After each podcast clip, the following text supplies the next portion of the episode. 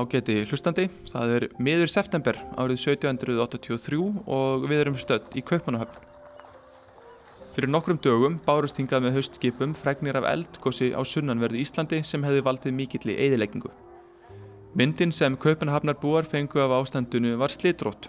Fyrsta fregnin um gósið var í brefi frá Jóðsja Sunkenberg, kaupmann í Reykjavík og frá sögn byggð á því brefi byrtist í dagblæði í Kaupmannahöfn þann 5. september þremur mánuðum eftir að skafturöldar hófust á Íslandi. Með brefi frá Íslandi dagsettu 24. júli fengum við eftirfylgjandi tíðindi. Á kvítasunnudag braust út eldgós í Skaftárfjalli í Skaftafells amti. Skaftá er þornuð upp og hefur breyst í steinrúu. Tvær kirkjur og átta stórir bæir hafa eðist og fólk hefur þurft að flýja heimili sína á all stóru svæði. Hraunið flæðir yfir jörðina eins og vatn og bræðir og fortærir allt sem á vegi þess verður. Eldhaf þetta er 7 mílur á britt og 15 á lengt. Loftið er svo mettað af ódaun, reik, ösku og sandi að allt landið er svo að segja undirlagt af þóku. Þar sem áður var flöt jörð sjást nú háir klettar og hið ný uppkomna land brennur ennþá. Og frá september fram í byrjun desember komu tauir skipa frá Íslandi og með þeim fjöldi brefa þar sem ástandinu var líst.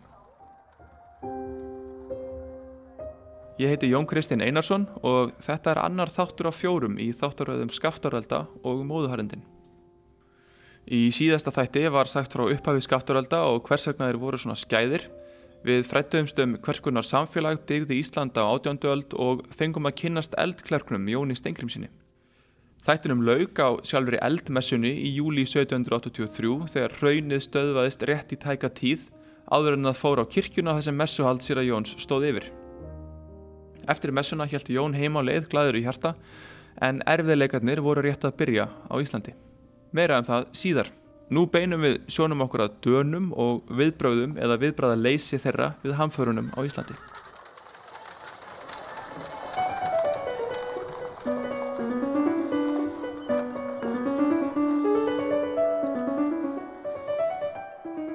Í Kaupanhöfn var lítill skilningur á því skjálfilega ástandi sem ríkti á Íslandi. Fjarlæðin millir Íslands og Danmörkur gerði það að verka um að afar erfitt var að fá nákvæmur upplýsingar og það var vandkvæðum bundið að breyðast skjótt við. Enn hafði ekkert heyrst frá tótal stiftáttmanni, aðstæða ennbættismanni Íslands og þögn hans um það sem gerðist á fyrstu mánuðum gossins verður að teljast frekar undarleg. Yfir völd gerðu sér þó smá saman grein fyrir því að eitthvað þurfti að gera og ákvaðu að senda tveggja manna rannsóknarleðangur til að kanna aðstæður á Íslandi. Þetta voru þíski aðalsmaðurinn Hans von Lefetshoff og náttúrufræðineminn Magnús Stefensen sem síðar átti eftir að verða eitt valdamesti maður á Íslandi. Það kann eftir vita koma einhverjum spánst fyrir sjónir að Danir skildu senda þískan mann til Íslands en þá ber að hafa í huga að á þessum tíma tilherði þýsku hertugadæmin Slesvík og Holstein Danakonungi. Margir danskir embætismenn voru þýskir og tungumálinn, danska og þýska, voru notuð jöfnum höndum innan danska stjórnkerfisins. Og skömmu eftir leðangur þeirra vegna skaftarölda var Lefetsov skipaður stiftandmaður yfir Íslandi. Hann var þeirra skoðunar að agaleysi væri mikið vandamál hér á landi og honum samti mjög illa við íslenska embætismenn á meðan duel hans stóð. En þá að náttúrufræðinemanum, Magnúsi Stefensen. Hann var af slekti Stefánunga, einnið mestu valdaætt Íslands á átjöndöld, sonur Ólaf Stefensens sem síðar átti eftir að verða eini Íslendingurinn sem skipaður var stiftatmaður og móður Magnúsar var Sigriður Magnúsdóttir, dóttir Magnúsar Gíslasonar Amtmanns. Þannig að ef það var til eilíta á Íslandi á átjöndöld þá sannarlega tilherði Magnús Stefensen henni. Hann var fættur árið 1762 og því kornungur ekki orðin 22 ára þegar hér er komið sögu. Þeir Lefetsov og Magnús voru sem sagt valdir af stjórnvöldum til þess að sigla til Íslands og áttuð að koma þeim skilabúðum áleiðis til Tótals stiftatmanns að hann ætti að kynna sér aðstæður á hamfara svæðunum og gera tillögur um neyðarhjálp. Auk þess voru senda einhver matvæli með skipinu en hinn brínasta neyðarhjálp hefur þótt að vera í höndum Tótals. Hlutverk þeirra Magnúsar og Lefetsovs hefur verið hugsað að einhverju leiti í vísendalega samengi og til lengri tíma. Þetta sést meðal annars í fyrirmælum sem þeir fengu um að koma við í Nýjei sem hafi myndast í eldgósi utan við Reykjanes fyrra árunu og nefna hann eftir konungi. Þeir lögðu af stað í byrjun oktober 1783 en óvenjulegt var að skip heldi til Íslands svo seint að hausti. Ferðin varð enda skrautleg. Magnús segir frá henni í sjálfsæðusögusunni og aðtugið að Magnús Stefensen talar um sjálfan sig í þriði personu.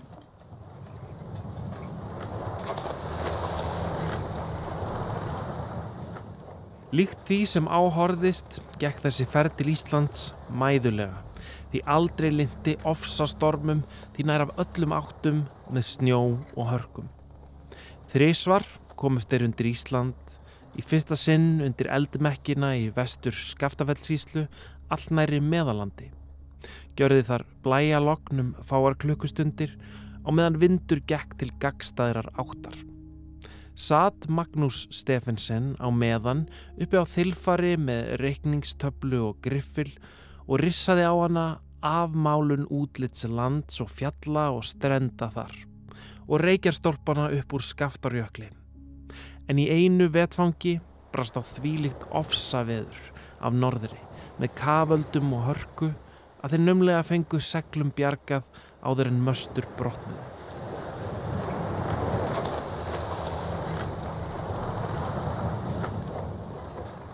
Magnús og Lefetsov komust sem sagt ekki til Ísland strax og í staðin var silt til Norex. Skipið þeirra skattaðist nokkuð þegar verið var að lóðstæða í höfn en þó var reynd aftur að sigla til Íslands. Þó nú sjóferðamönnum sem höfðu vita á þætti óvitt að forma með því svo til reyka nýja för til Íslands varð hún samt reynd að viku fresti með austanátt sem bar fljótt undir Ísland á ný. Þekktist land undan Grindavík hvar bæir sáust á landi og uppreikjanes. En aftur þar fjall sami norðan veðurs ofsi með fjúki og frosti og bar enn nálagt Norvegi. Þó var þar ekki hafnarleitaða sinni. Gekk vindur þá nokkru eftir til söðurs og var enn haldið á leið til Íslands. Hvers múlasíslu jöklar sáust glögt Þegar norðanströymar í langan tíma enn á ný röktu þá til Norex, hvar höfn og vetralega um síðir náðist seinast í novembri í Reykjafyrði vestur á Norvegi. Bjóð þar fátt fólk og fátakt fyrir flest lótsar og fiskimenn.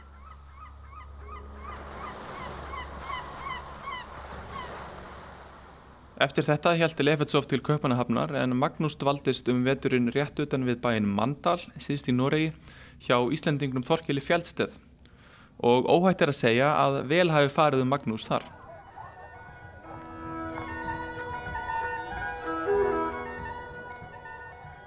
Mátti það heita sem hann að einlægum veislum stæði því norskir heldri menn eru þar gesturistnis. Ég hafði nærið því sagt úr hófi. Magnús Stefensen var þó ungur, mjúkur og léttur á sér og lengst af æfinni snar og fljótur á fæti og að sögn kennara hans og annara þá liðugur dansari en sérlega sólkin í dans. Frú Fjaldsteð var jafnan gladvær og kurtis og gefin fyrir samkvæmi og dans eins og norski menn yfir höfuð engum í stöðunum. Henni þótti Magnús Stefensen þá skemmtinn og glaðsinna, lipur til dansa og kjörið því oft í samkvæmum að dansa með honum en það var hann nýdimmiteraður úr dansskóla í Kaupmannahöfn.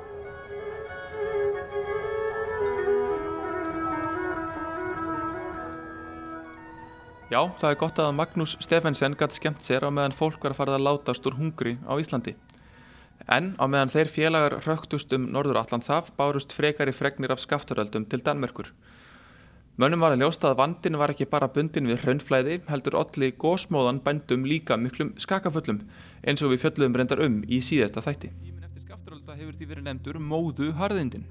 Móðan úr skaftaröldum var skæð og eitraði gróður þannig að hestar, kýr og kindur fjallu unnverpum, aðalega flúreitrun. Sveinbjörn Rapsson, sagfræðingur, hefur metið það svo að á árunum 1783 til 86 hafi 75% söðfjár, 40% nautgripa og 48% hossa á Íslandi drefist. Til er frásögn um áhrif móðunar á söðfjö. Á því var varðlas á limur að ein nýtti, sérdeilis kjálkar, svo nútatnir fór út úr skinni við bein. Bringuteinar... Því var ákveðið að efna til peningasöfnunar í köpmanuhöfn fyrir Íslendinga. Til þess að styðja hana voru frásagnir af ástandinu á Íslandi byrtar í dagblöðum til dæmis nafnlaust bref sem byrtist hann 1. desember úr hólastifti í blæðinu Kjöpunhánsko tíðina. Stort óhapp hefur skekið þetta stifti, jamt sem aðra staði á landinu, nefnilega þykk brennistinskend móða sem kemur bæði frá eldgósasvæðinu á Suðurlandi og úr norðri. Sennileg útskýring er að eldgós sé á Grænlandi eða í hafi norður af Íslandi. Þetta með eldgós á Grænlandi kann að hljóma undarlega en ég held að líkleg skýring á þessu sé að móðan frá skafturöldum fór svo litla krókaleið að Norðurlandi. Við heyrum frá Þorvaldi Þórðarsinni, eldfjallafræðingi. Gósmökkurinn frá skafturöldum, hann fór yfir norður hluta Skotlands og uh, það var bara snemma í uh, rétt um miðjan júni og síðan upp með ströndum Norex og það eru svona fyrstu sagt, uh, skráðu heimildunum um, um þessa móðu sem síðan fór inn á pólsvæðið. Og hún, hún byrja náttúrulega í hvað ég var að segja svona 10-15 km hæð. En eftir því sem hún flist og þá er hún líka að, að síga niður. Og þegar hún fór inn á pólsvæði þá kom hún aftur með norðanvindum eftir yfirborðinu til Íslands. Mm. og, og myndaði hérna mikla móðu bæði í eigafyrðu og, og, og múlasíslum og það er þessa sveiti sem að auðvitað fyrir mestu áhrifum af móðinu á Íslandi.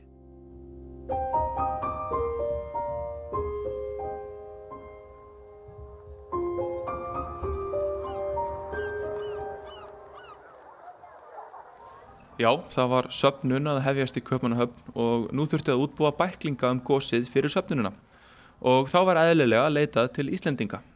Valdamesti og virtasti Íslendingurinn í Köpmannahöfn á þessum tíma var Jón Eiríksson konferensráð. Það var einmitt hann sem hafi kvart unga náttúrufræðinemann Magnús Steffensen til þess að láta Íslandsleðangurinn njóta krafta sinna. En sem sagt, Jón Eiríksson hafi silt til Köpmannahöfnar 18 ára gammal og sneri aldrei aftur til Íslands. Hann var um tíma háskólaprofessor en þegar hér var komið sögu var hann orðin einn af æðstu yfirmönnum í rentukamerunu. Jón er sennilega sá Íslandingur sem náði mestum frama innan danska stjórnkerfisins á meðan Ísland tilherði Danakonungi. Og svo vildi til að yngri bróður Jóns og alnafni Jón Eiríksson, já þeir héttu báður Jón Eiríksson, var búsettur á ljótarstöðum í Skaftartungu, ekki langt þar frá sem Skaftaraldar hraun hafi runnið og þið munið kannski eftir ljótarstöðum úr síðasta þætti. Undan fari skáttarelda, það var þessi skjáltar hérna sem að fannst fyrst og fremst í byrjun á ljótarstöðum. Þeir voru reyn og verið í beitni línu söð vestur af góðsprungunni. Þannig að maður tegi upp bara línu frá skáttareldaröðinni og, og, og, og söð vestur þá enda maður á ljótarstöðum. Þannig að mm -hmm. það er kannski eðlert að þeir fundu meira fyrir þess en aðrir og voru næmari fyrir þessu. Sem sagt þarna um haustið skrifar Jón á Ljótorstöðum bróður sínum í Danmörku brefum ástandið og á því brefi ástand öðrum byggði Jón konferensráð frásögnum skafturölda sem síðar var dreift í messu í kirkjum Köpanahafnar í desember 1783 og janúar 1784 og áttið að hvetja fólk til að gefa fjö til söfnunarinnar. En Jón Eiríksson var ekki eini Íslandingurinn í Köpanahöfn sem átti ættingja á eldasveðinu. Þar var líka maður að nefni Sæmundur Holm Sæmundur Holm eh, var fættur árið 1749 í Holmaseli í meðalandi sem hann tók svo nafni eftir ættanafni. Már Jónsson, professor í sagfræði við Háskóla Íslands. Og fóreldrar voru bændur, Magnús Guðmundsson og Guðleif Sæmundsdóttir og en voru sem 1755 fluttustu að staðarholti nokkru sunnar í sveitin og þar var Sæmundur, 6 ára gammal, sjónarvottur að eh, Köllugosi sem hófst 17. oktober 1755 og stóð í tvær vikur með hrikarlegum afleðingum í áltaveri og orti þessar flegur línur undur yfir dundu upp úr köllu gjá, hímin og græna grundu grátlegt var að sjá síðar og hann er svona eldfjalla maður því að hann upp, vantar upp úr þessu að, að hann og tekna síðar í kaupanöfn mjög glæsilega svona myndir í lit af, af íslenskum eldfjöllum. Og sagt, síðan fóran hausti 1774 til Kaupmannahafnar að nefna myndlist fyrstur mm -hmm. Íslendinga. Og það er þá greinlegt að, að hann hafi vakið semst aðtikli fyrir uh, teikningar og uppdrætti meðal hans finnur Jónsson biskup Rósarónum og Bjarni Jónsson skólameistari Rósarónum fyrir semst að uh, drátt list. Og uh, semst var þannig í kaupuna í listaskólanum en Rönnsær tók líka prófi Guðfræði Þannig að Sæmundur var í köpan og höfn og hann sá sig knúin til þess að nýta sína listrænu hæfileika til þess að verða að liði. Þegar eldarnir hófust um sömarið uh, þá byggur fóröldrar hans enn í staðarholti og, og syns, þegar, þegar fregnir fór að streyma til Hafnar snemma haust, byrjun september talaðum að, að fyrstu skipa hafi komið og það var sneisa fulla brefum og, og líka bara frásögnum þá er Sæmundur þarna hvað 34 ára gammal og ekki verið heima í, í nýju ár og, og semst það er svona ma, ma, ma, ég fæ svona tilfyrringu fyrir því að honum hafi svona brúðið mjög illa því að þetta þekkt hann staðhætti og vissi að, að fóröldrar hans og fjölskylda fóru þarna bara í miðjunni á þessu öll saman. Og uh, ákvað að semja rittling um gósið, hann hafði áður samið svona rittling litinn bæklingum um svona skíastrók sem var hann í kaupanöfna, hafði svona áhuga á svona náttúrufræði og slíku.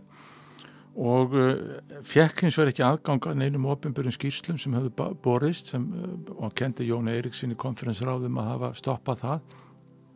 Og, en leta ekki aftur að sér og, og semst þetta ritt hans á dönsku om júrbrannlend på Ísland í orðið 1783 er semst 80 blaðsjöður það sem er semst uh, svona hjartnæm lýsing á uh, meðarlandinu og, og þessum, þessum slóðum og síðan semst eitthvað ágrip eða einhver úrvinnsla hans á þeim brefum sem hann hafi fengið sjálfur og brefum sem aðrir hafi fengið. Megnin að því er ekki varðveit en svona, það er, maður mað sér það glittir svona í það, þannig að við fengið bref frá fólki á staðnum og svo fram jafnir fóröldunum sínum og um, byrtir þarna þessi tvö kort af vestu skaftafellsíslu nú annað var í raun bara kort sem Sæmundur hafi gert árið 1771 semst áður en hann uh, fór. Og um, sko þetta er kannski ekki menn kannski, kannski ofrausna að kalla þetta kort að þetta er meira svona uppdráttur. Mm -hmm. hann mældu þetta ekki neitt. Nei. hlutvöldin eru vittlust hann svona sér þetta einhvern veginn fyrir sér bara. Já, sinns, hann náttúrulega þekkir þetta svæði og við farið þarna um og uh, gerir þetta svona eftir, eftir eða gerir þetta þána 71 þá var hann bara rúmlega 20 og síðan sem sagt hittkortið er þá uh, svona tólkun hans á því sem framkom í brefum og þetta eru þá þessar lýsingar um hvernig hverju sljót og skafta og, og hvernig hvaða jarðir í meðarlandi að holma sem fór undir og svo framvist þannig að hann, hann hafði þessar upplýsingar og síðan þá bara býran til hérna raunnið svona út frá þessum þessari, þessari þekkingu, þetta er ekki fantasía þannig en þetta er semst svona einhver, það er, er vittniski í þessu úr, úr þessum brefum sko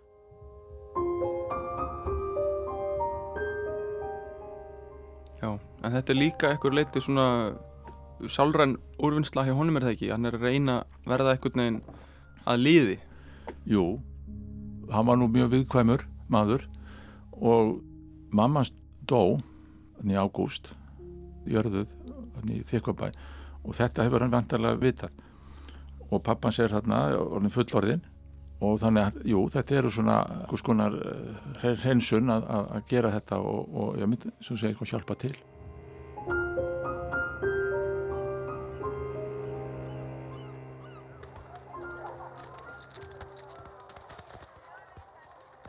Í apríl 1784 var söpnurinni hætt og þá hefðu sapnast römlega 9.000 ríkistælir. Þetta var töluverð upphæð til samanburðar þá kostiði kýr eitthvað um 7 ríkistæli og söpnunar upphæðin sem sagt um 1200 kúgildi. En þá var bara að býða frekar í fregna frá Íslandi til þess að komast að því hvernig þessum fjármunum væri best að varið. Og þá bundur áða menn auðvitað vonir við körnunarleðangur þegar Lefetsovs og Magnúsar Stefensen. Þeir félagar komist loksins á leiðarenda þann 16. apríl um 5 mánuðum eftir að þeir löðu af stað en við komum aftur á þeim setna. Það sem er kannski mikilvægar að reyna að skilja núna er hvernig ástandið var á Íslandi hann vetur á meðan Danir söpnuðu fjö í góðri trú. Við lukum síðasta þætti á að ræða eldmessuna, hérna miklu hetju dáð eða sviðsetningu Jóns Stenguriðssonar í júli 1783 og útlitið var ekki bjart eftir hanna. Niðurlag brefs sem Jón skrifaði til Bjarnar Jónssonar á breyðabólstaði Vesturhópi í september 1783 varpar að ljósi á ástandið þarna um haustið. Fólk mitt sett ég með kú mínum burt og er nú með konu og tveimur manneskjum við húsin kýrlaus og mjölkuleus um nokkur tíma. Og býst ég að vera fram svo lengi ég get og sók mín og kirkja er ei totalitær eðilöð. En hvernig þráðist þessi fyrsti vetur móðuhærandana, veturinn 1783-84? sko það er einhvern veginn hefur mér vist uh, að það er eiginlega sá tími sem maður veit hvað minnst um. Ítlugi Jökulsson, útvarsmaður og reythöfundur vinnur um þessar myndir að bók um skaftarölda. Þá er náttúrulega uh, fólk er flúið úr, úr brunasveitunum sjálfum og er að rekjast um vestur á landi og svo framvegis. Uh, svona flestir, það er nú sömur reyna enna hókra þarna á síðu og, og víðar. En, en og ástandið er hróðalegt meirum minna búfjanaðurinn er fallinn og svo framvegist þannig að þetta lítur að hafi verið ansi, ansi hróðalegt ástand. En, en samt einhvern veginn það er ekki ég hef ekki rekist á mikið af svona skjálfestum heimildum um það. Það er svo, svo svona vorið eftir þegar, þegar, þegar hungrið skellur á fullum þunga og, og sóttirnar sem fylgdu þarna líka og þær hafi nú kannski ekki allar verið beinafliðinga á gósinu þá hérna, vektu þær náttúrulega viðnámsþrótt fólks mjög þannig að þær gósið átti sín þátt í þessu öll saman. En þá hefur maður aðeins betri heimildir en þessi vetur uh, er einhvern veginn hulinn svolítið, svolítið myrkri uh, og, og það er einhvern veginn það er einhvern veginn mjög passandi því ég held að þetta hafi verið ansi dimmur og ömurlegur vettur fyrir bæði þá sem að reyndu að hokra í, í, hérna, í eimt austur í sveitum eða, eða það fólk sem var, sem var flúið vestur á land og vissi svo sem ekki neitt um það hvað myndi taka við. Já, dimmur og ömurlegur vettur og frásögn Jóns Steingrímssonar af þessum tíma í sjálfsæðusögu hans rennir sannarlega stóðum undir það. Eftir því sem komað jólum og á veturinn leið tók fólk að deyja í pest og hungri. Svo það ár dóu í sókminni hér 76 manneskjur af hungri og eldsins verkunum, blóðsótt og þess kynns. Hlaut ég nú alla tíðina af að ganga og ljá eina hestminn til að bera líkin til kirkjunar því akfæri gafst ei. Þá þarf að sapna líkum saman þar til á sunnudaga og grafa þá átta og tíu stundum fleiri í einu. Því mannfólk var ei fleira en því var öllu að sapna til í eitt í hvert sinn, að taka grafir og berja klaka og varð af því máttleysi þess að láta marga í eina gröf. Talið er að skaftaraldum hafi lokið í februar en ástandið skánaði þó lítið. Við heyrum aftur í sér að Jóni Stingursinni. Á útmánuðum voru dagstæðar sex vikur sem ég stóði við nýja fór úr fötunum. Nær fælst að segja nótt og dag til að þjónusta fólkið. Bæði það sem burt kallaðist og hitt sem af hjarði er eigi komst til kirkjunar. Þá sögðu margir, nú má segja að prestur hafi mikið fyrir sínu brauði. Ástandið lagaðist heldur ekki þegar að leiða sömarið og frá norðausturlandi er varðveitt einstöku heimild um báborna hægi alþjóðu fólks á þeim tíma. Nú einhver uh, merkilegasta og, og skjelvilegasta heimildin sem að, sem að uh, ég hef fundið um, um hörmungarnar sem að fylgdu þessu gósi og móðuharðindunum sem á eftir fylgdu það eru minningar Rökkvalds Halda sem svo var kallaður það er doldið uh, hérna, það er vond að það er ekki mikið til af lýsingum frá fólkinu sjálfu um hérna það sem, það sem dundi yfir þessi misseri sem að, sem að hörmungarnar voru hvað harðastar. Það eru til skýslur ennbættismanna og, og, og svo framvegis og þær eru góðar gildar og, og þar, þar inn á milli eru, eru vissulega hérna bæði hjá Magnús Steffensen og fleirum þar eru vissulega svona mannlífslýsingar sem að segja sína hróðalegu sögu en lýsingar alþýðu fólks á þessum hörmungum eru fáar og hérna og kannski ekki að undra því það náttúrulega dói eiginlega allir sem að lendu í mestu hörmungunum. En uh, þessi uh, lýsing Rökkvalds Halda, hann var uh, fættur 1769 og er því svona rétt komin á táningsaldur þegar þetta allt saman skellur yfir. Hann býr með fóröldrum sínum við, við fátækt í Þingiðarsíslu og hann átti sér mjög hérna viðburðaríka en, en hörmulega æfi og, og sent á æfinni þá fer prestur að, skrifa nýður æfiminningar hans sem var mjög sjálfgeft að, að, að svona algjört alþýðu fólk uh, skrifaði eða leti skrifa æfiminningar sínar.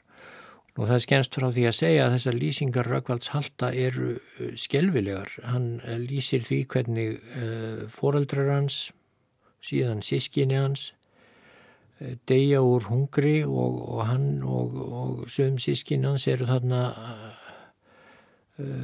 aðframkomin úr hungri og alls konar sóttum að reyna bastla við að bjarga hvort öðru og uh, þau leita hælis hjá nágrönum sínum og sumstaðar er þeim reynilega vísað á dyr af því að fólkið er ekki, er ekki hérna Uh, þrungið meira náðunga kærleika en svo að það tekur sín einn hag, það voru náttúrulega allir að drepast úr hungri á þetta þetta, þetta er sömarið 1784 sem að, sem að mestu hörmungarnar gengu yfir hjá í þingaðisíslunni og, og Rökkvaldur haldi er að lýsa.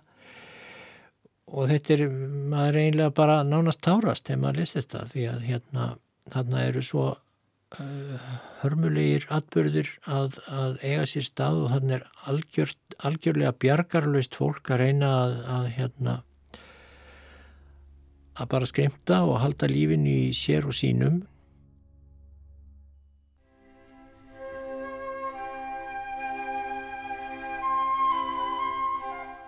Ítlugi sæði sögu Rökkvalds halda í útarsætti sínum frálsum höndum Við grípum niður í söguna þegar Rökkvaldur kemur að heimili fóröldra sinna á Gilsbakka í Öksafjörði og kemst að því að fadur hans hafi látist þá morgunin. Og er hann nú gengur fyrir opnar skemmutir á bæjarhlaðinu þá sér hann þar standa líkistu inni. Þar næst finnur hann sískinni sín, Jón og Þorbjörgu, er bæði voru fyrir megurð nærað bana komin en líka þrútin af harmi. Segja þau rökkvaldi að þar sé líkista móður þeirra, en fadir þeirra hafi dáið þá um morgunin. Í því byli koma út úr bænum bóndi sá sem fyrr hafði búið þar á bænum og kona hans. Báru þau sitt kort barnið á bakkinu og ætluð á vergang frá hýbílunum og fóru hérðan í burt. Rökkvaldur gengur nú í bæin þegar hann hafði grátið um hríð og fann hann þar föður sinn örrendan í kvílu sinni en þórdísi litlu sýstur sína fann hann nakta undir fótunum á líkinu. Rökkvaldur hjælt lífi í sér á sískinum sínum, Jóni, Þórdísi og Þorbjörgu í halvan mánuð með fjallagrasta segði og engu öðru. Þá komi menn af næsta bæ til þess að sækja lík fóraldræðira sem enn voru inni í bænum. Þeir tóku með sér Jón og Þordísi, litlu stúlkuna sem hefði leið nakin undir fótunum og líki föður síns en skildur Rökkvald og Þorbjörgu eftir. Jón lést skömmu síðar en Þordís livði harðindin af og settist síðar að á Östurlandi. Rökkvaldur og Þorbjörg fóru hins vegar á flakk og lýsingin af síðustu stundum Þorbjörgar er átakanleg. Nú tekur Röggvaldur Þorbjörgu sístur sína á bak sér. Var hún þá svo máttvarinn að hún gati ekki svo vel sem þurfti haldið sér uppi á baki hans. Var þann því að halda vinstri hendinni aftur fyrir bak sér um nýjespætur henni en stafhafðan í hinni hendinni sem vissi undan strömmnum og var það til stuðnings. Veður Röggvaldur nú út í ána, alltaf álnum í henni miðri, en þegar í hann kom og ströyminn þar sem hann var harðastur og tók nú honum upp á síður vegna byrðarinnar sem hann bar, þá sökk Röggvaldur dýpra í sandbleituna en áður og þá lagðist ströymurinn í född stúlkunar svo hann fjell þegar áfram þar sem hann gæti ekki vaðið viðstöðu löst. Í þeirri svipan þreif Röggvaldur tönnunum í vinstri hempu ermi sístur sinnar en svamlaði ímist með vinstri hendinni í vatninu eða árbotninum og stjakaði sér síðan áfram með stafnum með hinni hendinni og bar ströymurinn þau smátt og smátt skáhalt yfrum. Þegar yfir ána kom var sýstir hans að mestu þurr fyrir ofan mitti nema á handleikjunum en svo styrð var Þorbjörg og köld að hún mátti ekki uppstanda nýja ganga. Svo hafði kuldin og hræðslan gagtekið hana að hún var nær máttlaus orðin. Röggvaldur bar nú Þorbjörgu í skjól upp að steini einum skamt þaðan og hljóp með skyndi fram að vesturhúsum sem voru næsti bær og stutt bæjarleið til að fá hjálp að koma sýstur sinni til bæjar. Þá var þar engin karlmaður inni. Bóndin hafði burtu gengið um morgunin en var bráðum vantanlegur heimattur. Ætlar Rökkvaldur þá strax tilbaka til að deyja hjá sýstur sinni en var hindraður í því af hvernmönnum þeim sem á bænum voru. Fór svo röskari af þeim tveimur strax að vitja um Þorbjörgu en þegar þangað kom var Þorbjörg látin þar hjá steininum.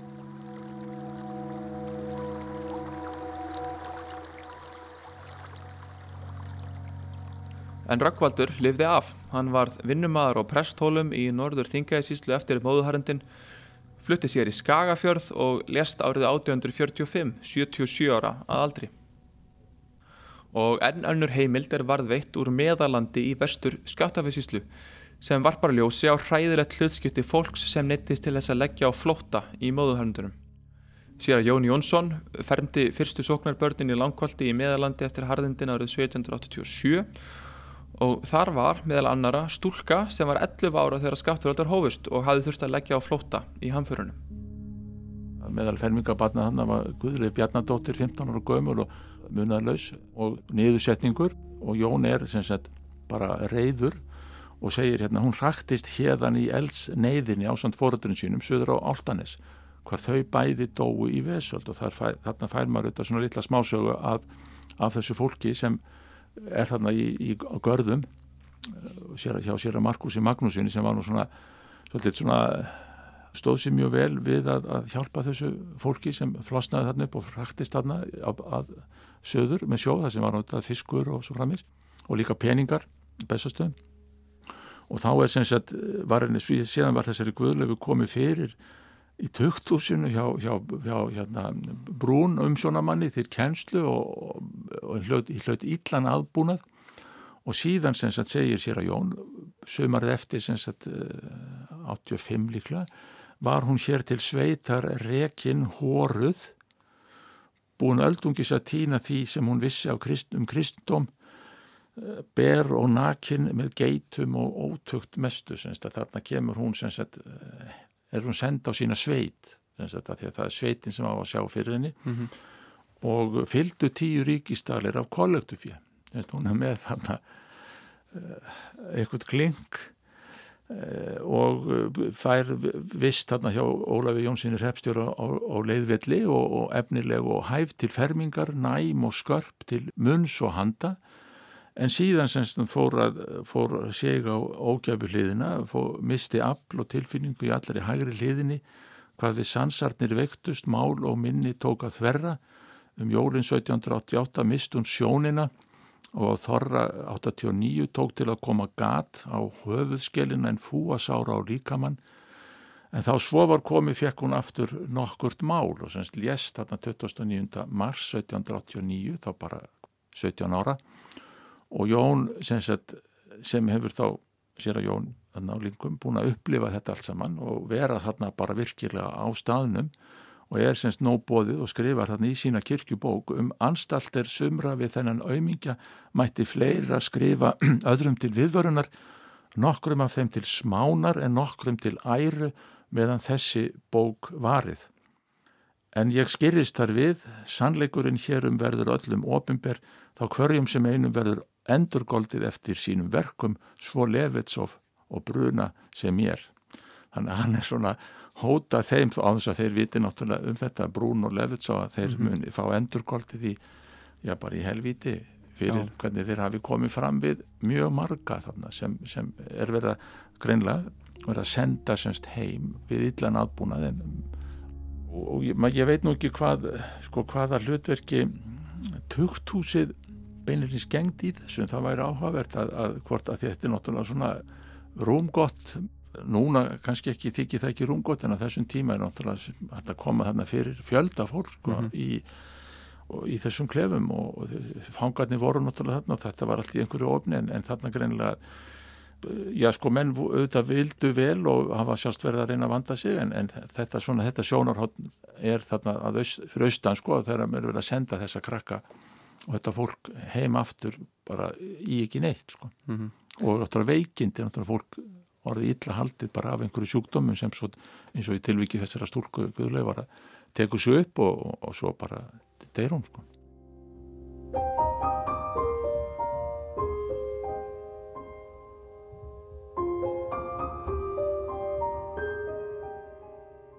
En hvenar dó fólk og úr hverju? Þetta er ansi mikilvæg spurning þegar kemur að móðuhörnundunum. Skafturaldar eru kannski óvennilegar náttúruhamfærir því leiti að mesta mannfallið verður ekki á meðan þeim stendur heldur eftir að gósinu líkur. Guðmundur Haldanarsson, sakfræðingur, hefur ansakað þetta ítalega.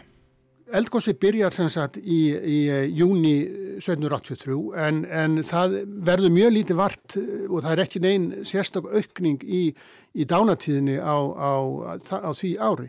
Það er aðeins, því verður aðeins vart í þingaðsíslu vegna þess að, að þar voru var árið á undan mjög slæmt, þau voru mjög illa, þingaengar voru mjög illa undir og fólki á Norðauðslandi mjög illa undirbúið, e, þannig að þar byrjar mannfallið fyrr, en raunverulega er það alveg gríðalegt mannfall og gríðalegu toppur e, í svona mæ-júni 1784 sem er svona típiskur dánarmánuður í, í þessu landbúnarsafélagi sem var á Íslandi þessum tíma, þar sem að í sveitonum þá er yfirleitt svona matarbyrðinnar minnstar þegar það fer að líða vorið.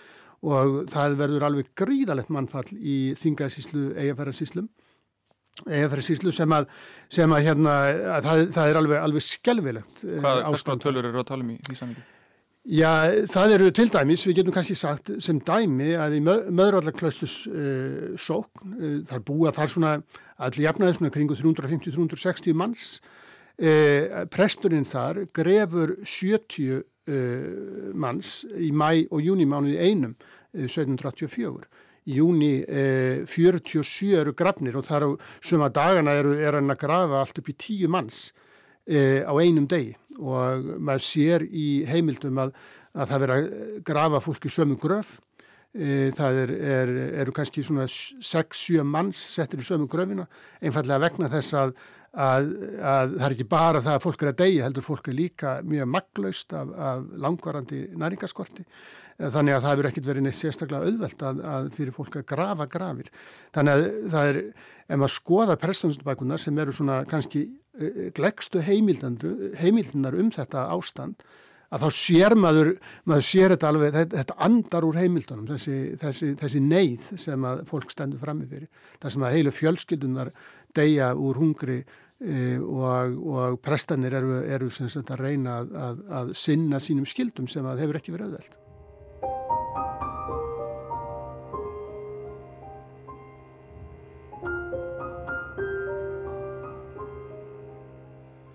Já, þetta var sannlega dimmur og ömurluður vetur og í sömarbyrjun 1784 þegar ár var liðið frá upphæðu skátturalda var hár toppur í dánartíðni með öðrum árum þá dóu ægilega margir.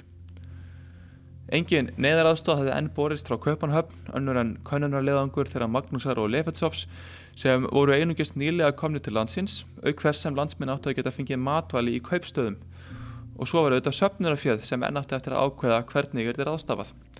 Hægt er að segja að Íslandingar hafi þarna þjáðst í heilt ár án utanakomandi aðstóðar og verður það ekki auðvelt að gefa dönskum ráðamönnum og viðbröðum þeirra algjöra fallengun.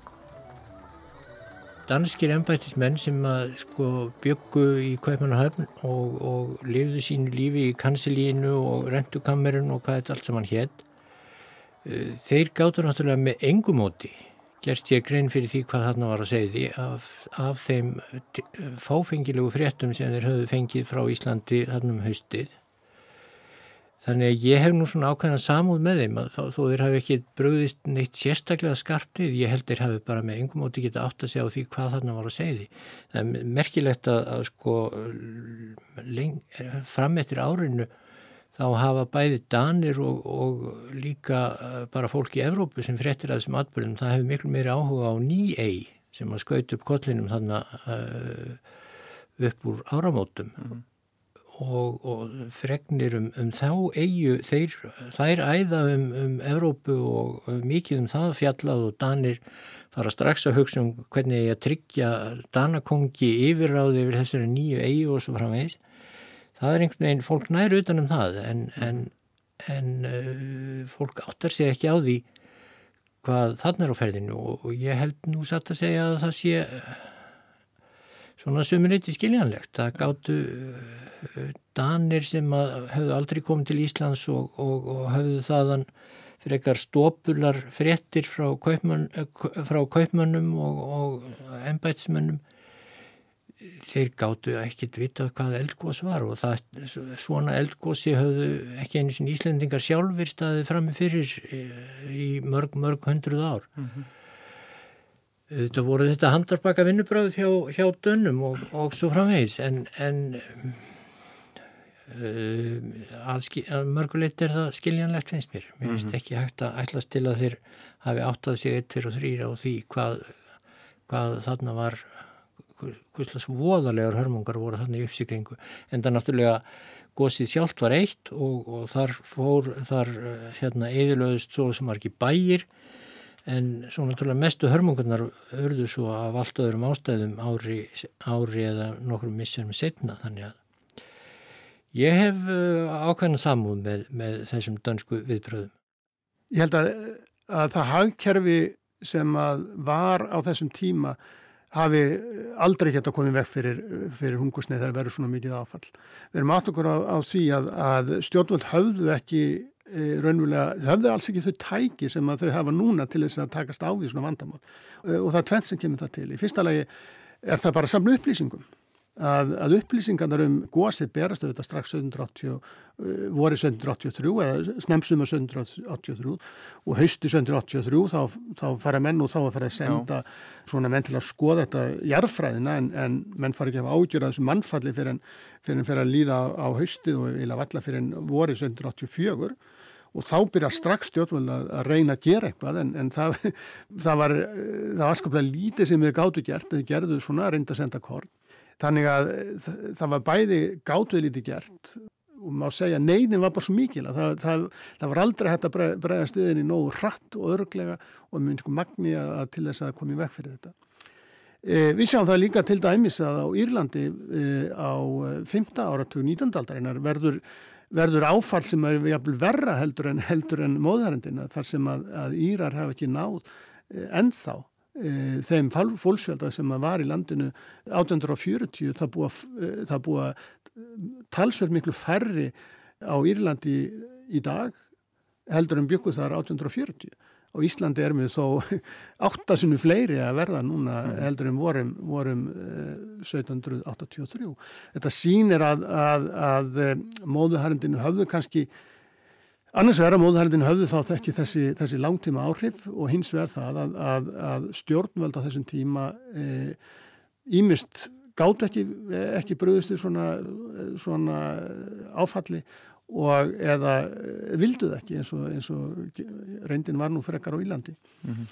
Og við hefum líka átt okkur á því að Íslands samfélag á þessum tíma á, á, sem að gerir Íslands samfélag svo viðkvæmt fyrir svona áfallum er það að efnarslífið er mjög einhaft og það er eitthvað sem auðvitað enginnir hefnarslíf Íslands jafnlega en þann, en þann dag í dag eh, en vegna þess efnarslífið er svo einhæft eh, að þá verður áfallið svona mikið. Svona hungusneiði voru kannski ekkit voru ekkit hérna óalgengar í Evrópu á fyrir tímum en, en þær voru þá yfirleitt fyrir eitthvað staðbundnar. Og það var þá yfirleitt þannig að það var til dæla auðvelt að, að að bregðast við þessum með að flytja mætvali frá einu stað til annars. Það var erfitt að gera það til Íslands. Ísland er svo, svo afskjækt. Það er, e, það er ansi langt að flytja kort frá, frá Danmörku til Íslands.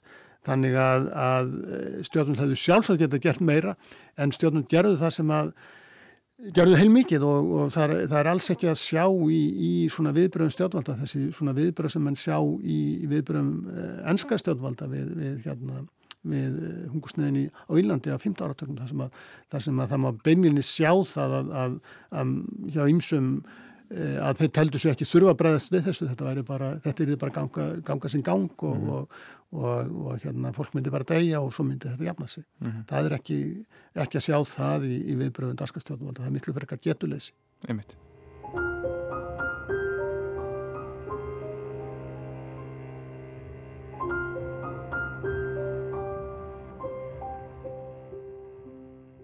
En víkjum sögunni þá aftur að Jóni Steingrimsinni og aðtugum hvað hann var að aðhafast þarna vorið 1784. Hann hafði hort upp á fjöldamanns flýja úr vestur skattafessíslu. Þar með talið þá tvo presta sem næstur honum voru, Björn Jónsson á Holmaseli og Sigurð Högnarsson á Ásum. Jón var til hrættur um að þurfa að bregða búi og halda sömu leir. Var þá síðast eftir í sókninni með steinsmýrar bæjum 93 manns. Svo þá að sumarmálum leið fóru bændur sem gengið gátu að skreiðast vestur eftir til sjós, að halda lífinu og útvega sér lífsskeppnur svo hér varð ei embættis fært af fólkleysi og lasleika þess.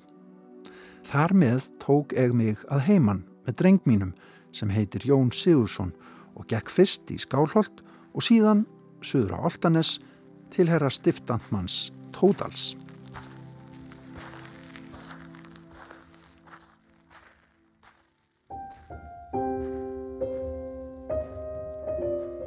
Já, Jón læði sem sagt af stað fótgangandi frá heimili sínuða prestbakka á síðu til þess að byggja um styrk frá yfirvöldum svo að hann geti haldist við búskap.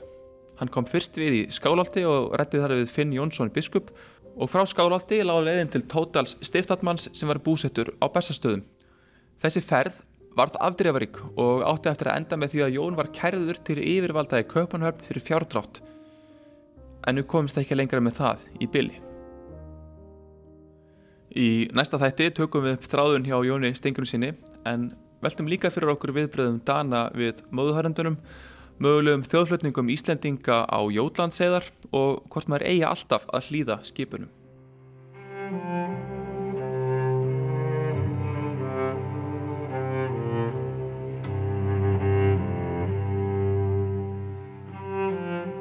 Þáttaröðin Skaftáreldar er framleitt af Rás 1. Umsjón og dagskrargerð Jón Kristinn Einarsson. Rittstjórn og samsetning Gíja Holmgerstóttir. Tæknimaður Lítiða Gretarstóttir.